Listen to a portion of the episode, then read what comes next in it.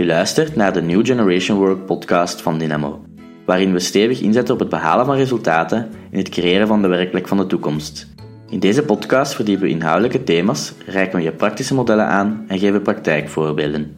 Wij geloven dat je best met kleine stappen jouw New Generation Work verhaal schrijft. We publiceren wekelijks een nieuwe aflevering en hiervoor kan je eenvoudig inschrijven op iTunes. De inhoud kan je in een handige samenvatting steeds op de website dynamo.be downloaden. Veel luisterplezier!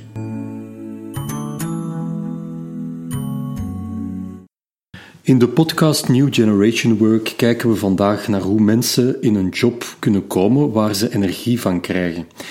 Iedereen denkt dan meteen aan het weggaan of het helpen zoeken van wat een job uh, wel zou kunnen zijn, om er toch meer te kunnen uithalen. Maar dat is niet echt het onderwerp van deze podcast. We hebben het eigenlijk over teamcrafting vandaag. Wat kan je samen met je collega's doen om het werk te delen en te herverdelen, zodat we er allemaal een stukje beter van worden? Mijn naam is Christ van Laren en ik zit hierbij samen met Wim Tielemans. Dag Wim. Dag Christ. Wim, we werkten in 2012 samen een traject uit bij een klant. En het is pas nadien dat we uh, dat traject ook teamcrafting zijn gaan noemen. Misschien een woordje uitleg. Wat verstaan we bij Dynamo over teamcrafting? Ja, dat is een goede vraag, Christ, om mee te starten. Anders weet de luisteraar natuurlijk niet precies wat wij bedoelen hè, met, uh, met teamcrafting. Um, ik zal onze definitie hiervoor gebruiken, uh, omdat daar uh, eigenlijk alles in zit. Hè. Um, teamcrafting, dat is het gezamenlijk sleutelen aan de werkverdeling door elkaars taaktyperingen te kennen en hier rekening mee te houden door samen kleine oplossingen te ontwikkelen om werk voor iedereen mooier te maken, door taken en relaties beter af te stemmen, rekening houden met het doel van ons team, de competenties die in dat team en de middelen die dat we toegewezen krijgen. Oké, daar zijn twee woorden belangrijk um, die toch wel wat meer uitleg verdienen. Ik begin met het uh, eerste woord uit de definitie gezamenlijk. Ja, gezamenlijk, uh, Chris, dat is inderdaad heel belangrijk. En dat is in tegenstelling tot één iemand. We hebben in de vorige podcast van zelfsturing het gehad over die hiërarchische organisatie. En daar is de taak van die leidinggevende om het werk te verdelen. Mhm. historisch gezien is dat ook correct, omdat mensen niet konden lezen of schrijven. En in die tijd van Ford uh, laat staan dat ze dan wisten hoe ze een auto in elkaar moesten steken. Dus iemand die dat, dat werk verdeelde, dat was goed. Maar nu is iedereen goed geschoold, is het internet uh, aanwezig en hebben we toegang tot alle informatie in de wereld via die zoekfuncties. Dan is dat niet meer nodig. We moeten ervan uitgaan dat mensen uh, genoeg intelligent zijn. Medewerkers weten veel beter dan de leidinggevende wat ze precies doen en wie waarin beter is. Toch wordt het werk nog vaak door die leidinggevende verdeeld en soms zelfs met de harde hand. En om dat te doen, gaan mensen soms onderhuids gaan werken dan officieel mag. In de trend van wat niet weet, niet deert. Dat is eigenlijk hetgene wat men probeert te doen om het toch te doen werken. Oké, okay. ik hoor ook um, het woord taaktypering. Uh, waarschijnlijk is dat toch voor onze luisteraar nog, nog wat onduidelijk. Ja, taaktypering is een woord dat wij gebruiken. Het woord uh, zit typering van de taak natuurlijk in. En kort gezegd is dat hoe je zelf je taak aanvoelt en wat je daar als typering aan geeft. Bijvoorbeeld de typering leuk of lastig is eigenlijk iets wat we gebruikten. We hebben daar een visuele taakanalyse voor hoe we dat precies doen. En in de volgende podcasting, uh, podcast over jobverfijning via jobcrafting gaan we daar verder op ingaan. Dus nu is dat voldoende om um, ja, aan te geven wat de typering van de taak precies is en hoe dat die aanvoelt. Oké. Okay.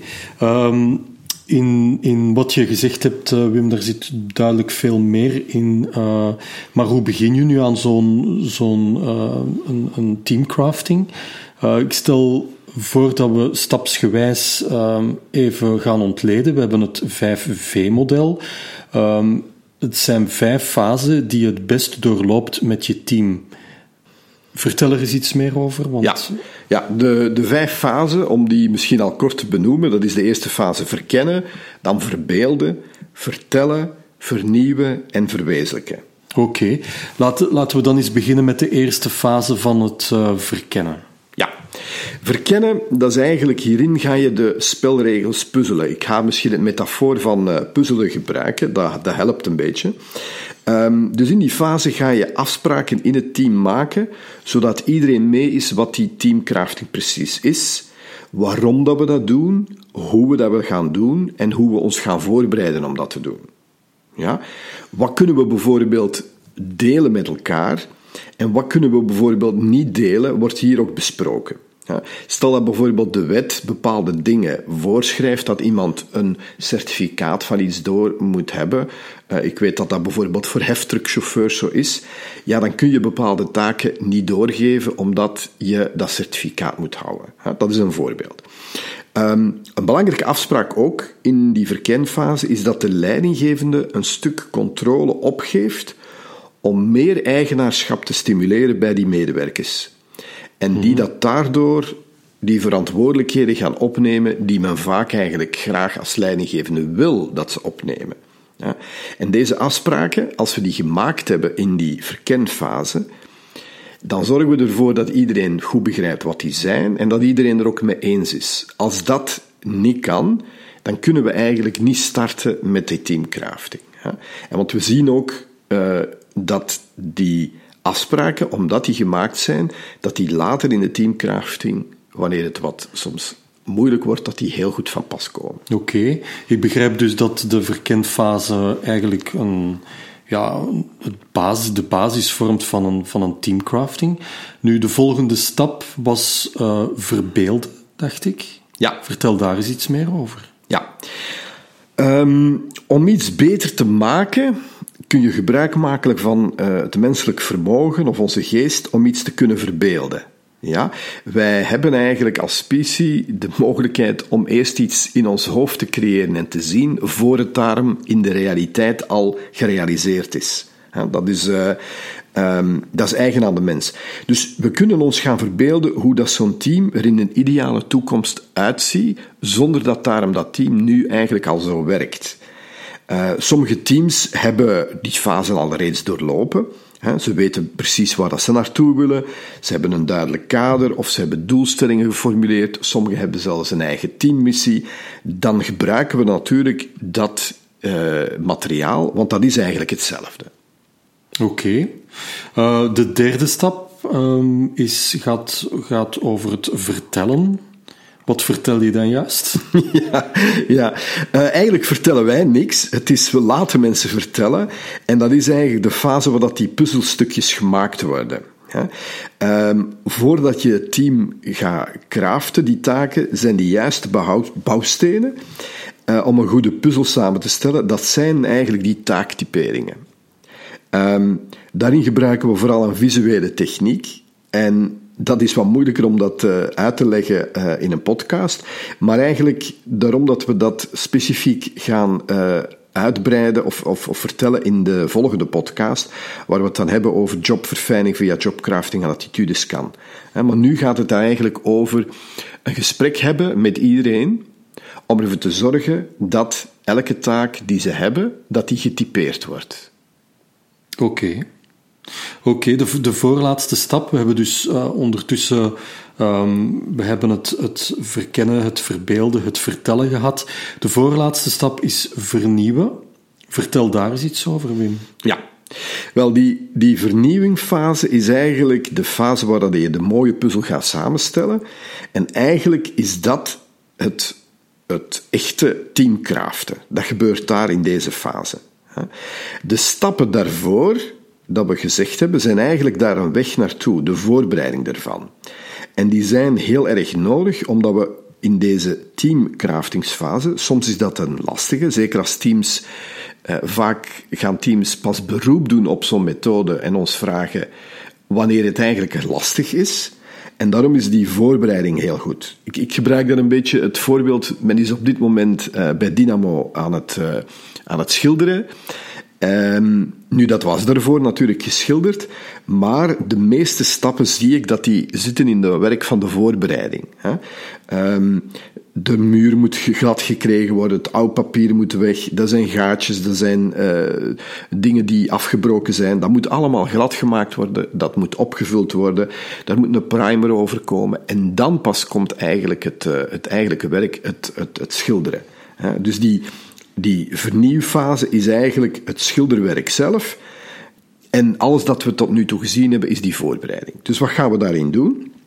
Mensen stellen hun taaktyperingen voor aan elkaar en dat laten we ook visueel doen. Dus je moet je inbeelden dat iedereen in die zaal zit en dat team, dat uh, aan elkaar, iedereen individueel, aan elkaar vertelt welke taken dat ze doen en wat de taaktypering daarop is. En dat wordt ook visueel voorgesteld met, met uh, plakbriefjes, zodat iedereen goed ziet. Dan worden ook kleuren gebruikt, zodat iedereen goed ziet wat wat is. Oké, als ik het goed begrijp, wil dat zeggen dat mensen elkaars energievreters en energiegevers met elkaar delen op dat moment. Ja, maar ze gaan het in de eerste plaats doen via de taken, niet via alleen de energievreters. Ze, ze vermelden die erbij wanneer daar uitleg voor nodig is. Maar we vertrekken eigenlijk van de taken zelf.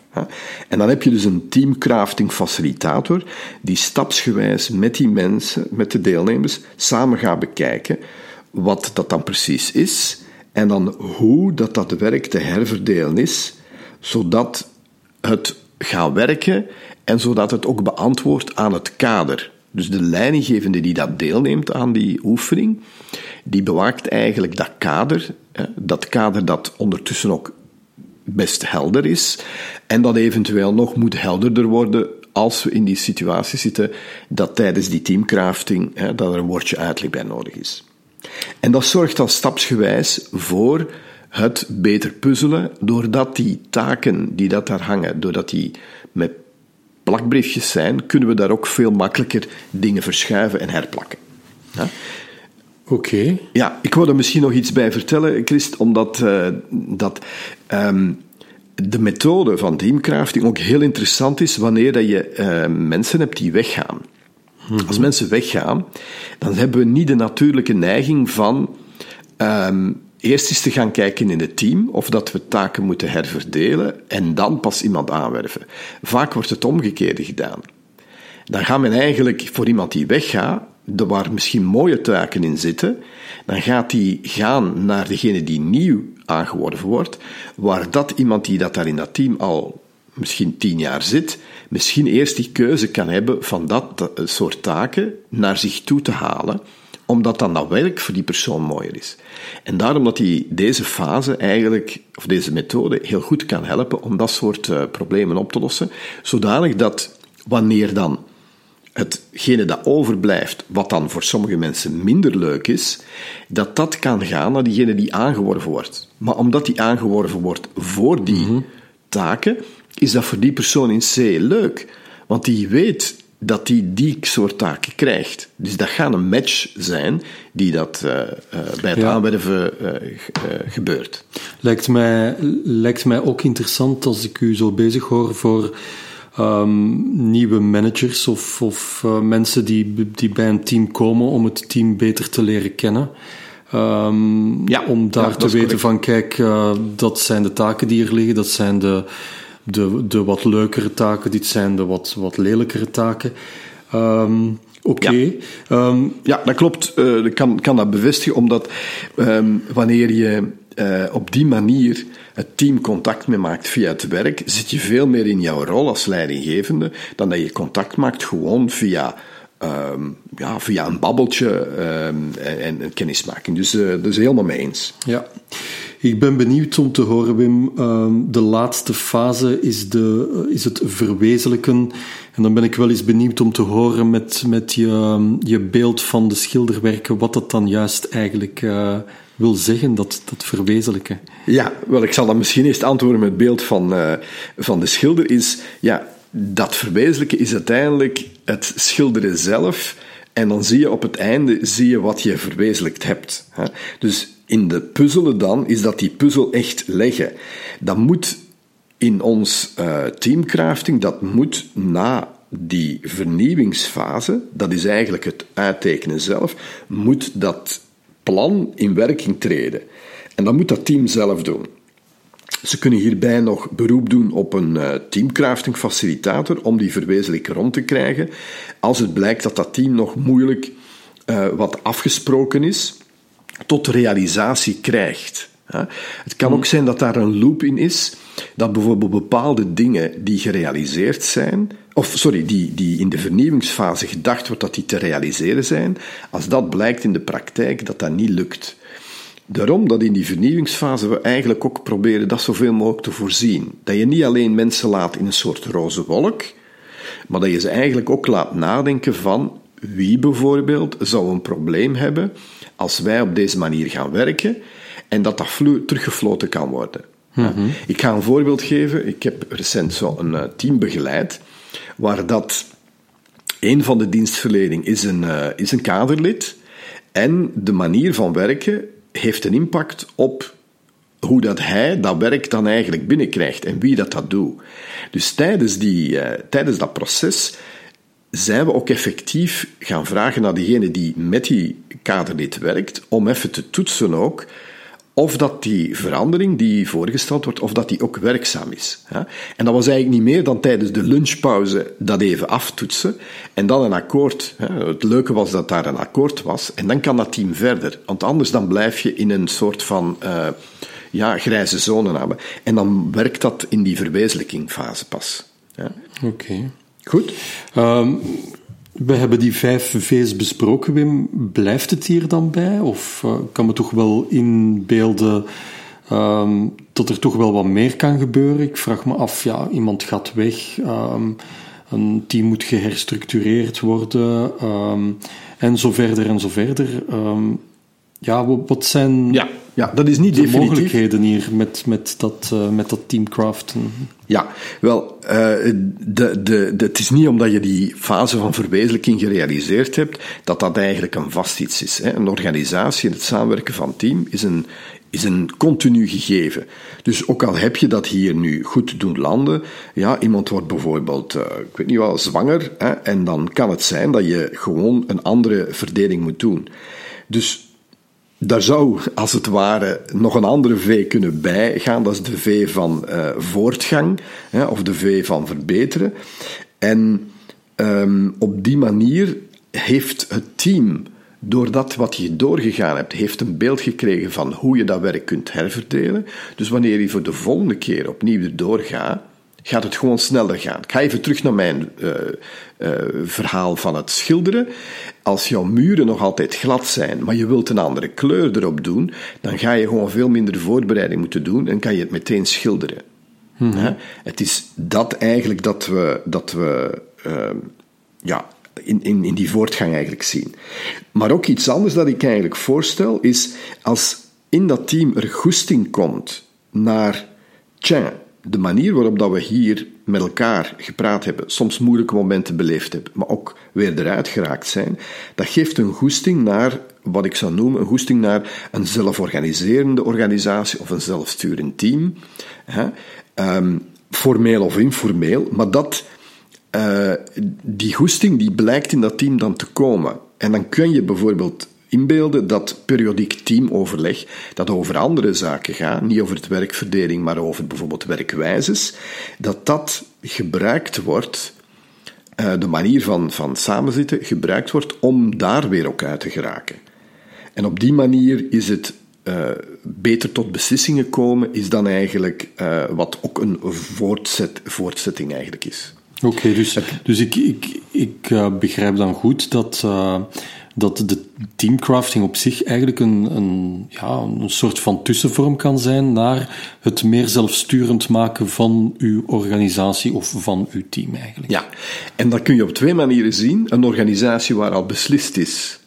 Um, als je kijkt naar het Wit-Geel Kruis, die dat die beslissing gemaakt heeft, en dan de stap tussen de beslissing nemen en eigenlijk ook effectief dat te realiseren, daar zit een, een, een, fase van twee jaar in. In die twee jaar, wat kun je dan ondertussen doen? Dan is deze aanpak een manier om eigenlijk ja, de, de, de, de capaciteit en de competenties om zoiets te kunnen doen al te masseren. Ja? Dus inderdaad, dat is een, uh, dat, dat, is een goede opmerking. Ja. Mm -hmm. Het kan zijn dat je daar een, een, de teamcrafter, teamcrafting facilitator, die wordt dan eigenlijk een soort van, die krijgt dan eerder een rol wat in onze zelfsturende podcast de teamcoach eigenlijk genoemd wordt. Dus die gaat verder met dat team, heeft geen hiërarchische verantwoordelijkheid, maar helpt wel het team om gedragen uit uh, oplossingen of uit moeilijke situaties te komen en resultaten te gaan boeken. -hmm. ik, ik, heb nog gewoon een bijkomende vraag, um, omdat ik, ik, ben nu mee met het, met het uh, grotendeels met, met de werkwijze van, van een teamcrafting. Maar ik vraag me dan af, en dat is dan een, een eerder kritische noot. Um, ja, als je zo'n teamcrafting gedaan hebt, um, wanneer moet je dan opnieuw aan de slag? Want je hoopt toch dat je een tijdje uh, verder kan uh, met je team. Je hebt het op een goede manier gecraft. En de vraag is dan van hoe lang kan je dan verder met dat team voor, vooraleer er een nieuwe teamcrafting moet uh, plaatsvinden? Ja, dat, is, dat voel je op dat moment, voelt het team dat aan. Als er geen, als er geen form, formele verandering is, dan is, uh, dan is het heel goed mogelijk dat je daar ja, een aantal jaren mee verder kunt. Maar er bestaat zoiets als um, motivatie, um, veroudering. En iets dat vandaag werkt, betekent dat dat mensen, en dat, dat uh, leren we uit de, uit de podcast rond, rond de attitudes, hè, dat mensen een bepaalde attitudevoorkeur hebben, waardoor ze sneller of minder snel op iets uitgekeken zijn. Dus dat is, uh, dat is een vraag die ik niet kan beantwoorden, maar dat voel je wel in het team aan. En als je op de manier van zelfsturing werkt en openlijk met elkaar praat, dan is dat, uh, dan is dat onderling te regelen. Dan hoef je ja, dan hoef je daar niet een formele um, uh, verandering eigenlijk in te brengen als dat kleine wijzigingen zijn. Mm -hmm. Dus dat is geen, dat is geen hoe, hoe lang uh, antwoord op. Dat hangt ervan af van wat er in, de, in dat team gebeurt. Dat maakt of dat je dat eigenlijk helemaal opnieuw door die fase moet gaan. Oké. Okay. En, en als ik het goed begrijp, is het zo dat, een, um, dat eigenlijk voor een teamcrafting iedereen een um, een proces doorloopt waarbij hij um, eigenlijk de taaktypering duidelijk krijgt van zijn eigen uh, functie. Um, en daarna volgt de teamcrafting, maar dat is eigenlijk een proces dat in een halve dag of een dag kan verlopen. Om... Ja, ik heb bewust geen, geen tijdskader uh, gegeven, omdat je daar dan ook op afgerekend wordt. Dat hangt eigenlijk allemaal af hoe, hoe lastig of hoeveel mensen of hoeveel verschillende taken om daar eigenlijk een tijdskader in te geven. Maar in principe zijn er uh, teams die, die, die ik begeleid heb, waar dat dan in één dag eigenlijk voldoende is. Dus uh, gegeven natuurlijk dat die stappen en die voorbereidingen dat ja. die gebeurd zijn, dat die goed uitge, uh, uitgerold zijn. Oké, okay, dus ik heb, ik heb echt goed begrepen dat, dat die vijf stappen, dat 5V-model, dat echt wel belangrijk is om als basis, dat die eerst die voorbereidende fase um, eigenlijk um, echt wel een basis leggen om echt te gaan craften. Dus ja. uh, niet zomaar gaan craften, dan is, is de boodschap, maar echt wel goed die verschillende fasen doorlopen. Ja, en ik heb hier, als je beslist van eigenlijk het werk hè, in groep, wat in team gedeeld wordt, van dat te bekijken. Dat is voor elk team ook anders. Een team, wat een team is, uh, als je een team van, uh, omdat dat onze branche is, een team hebt van uh, trainers, dat is helemaal anders, omdat wat zij delen met elkaar is veel minder dan een team dat uh, een softwareoplossing moet maken. Het werk dat die softwareingenieurs met elkaar delen, zit veel dichter bij elkaar dan wat de trainers met elkaar delen. Tenzij dat ze bijvoorbeeld één en hetzelfde trainingstraject uh, doorlopen, maar dan is dat veel minder. Dus de hoeveelheid taken die je moet delen, is dan eigenlijk anders. Okay. Dus daar moet je ook altijd. Uh, het heeft dus ook een stukje te maken met homogene, heterogene teams en zo verder. Uh, ja. Oké. Okay. Goed, bedankt uh, Wim voor deze info. Ik weet niet of dat je er zelf nog uh, iets ja, wil aan toevoegen. Het, uh, hetgene wat we mee verder gaan is eigenlijk duiken in jobverfijning via jobcrafting en attitudescan. En dat is, dan leggen we dan ook nog eens wat dieper wat die visuele taakanalyse is. En dan wordt dat ook helderder. Oké. Dus, het onderwerp voor een volgende podcast. Dat is juist. Ik wil u nog eens bedanken voor de heldere uitleg en tot de volgende keer weer. Dankjewel, Chris.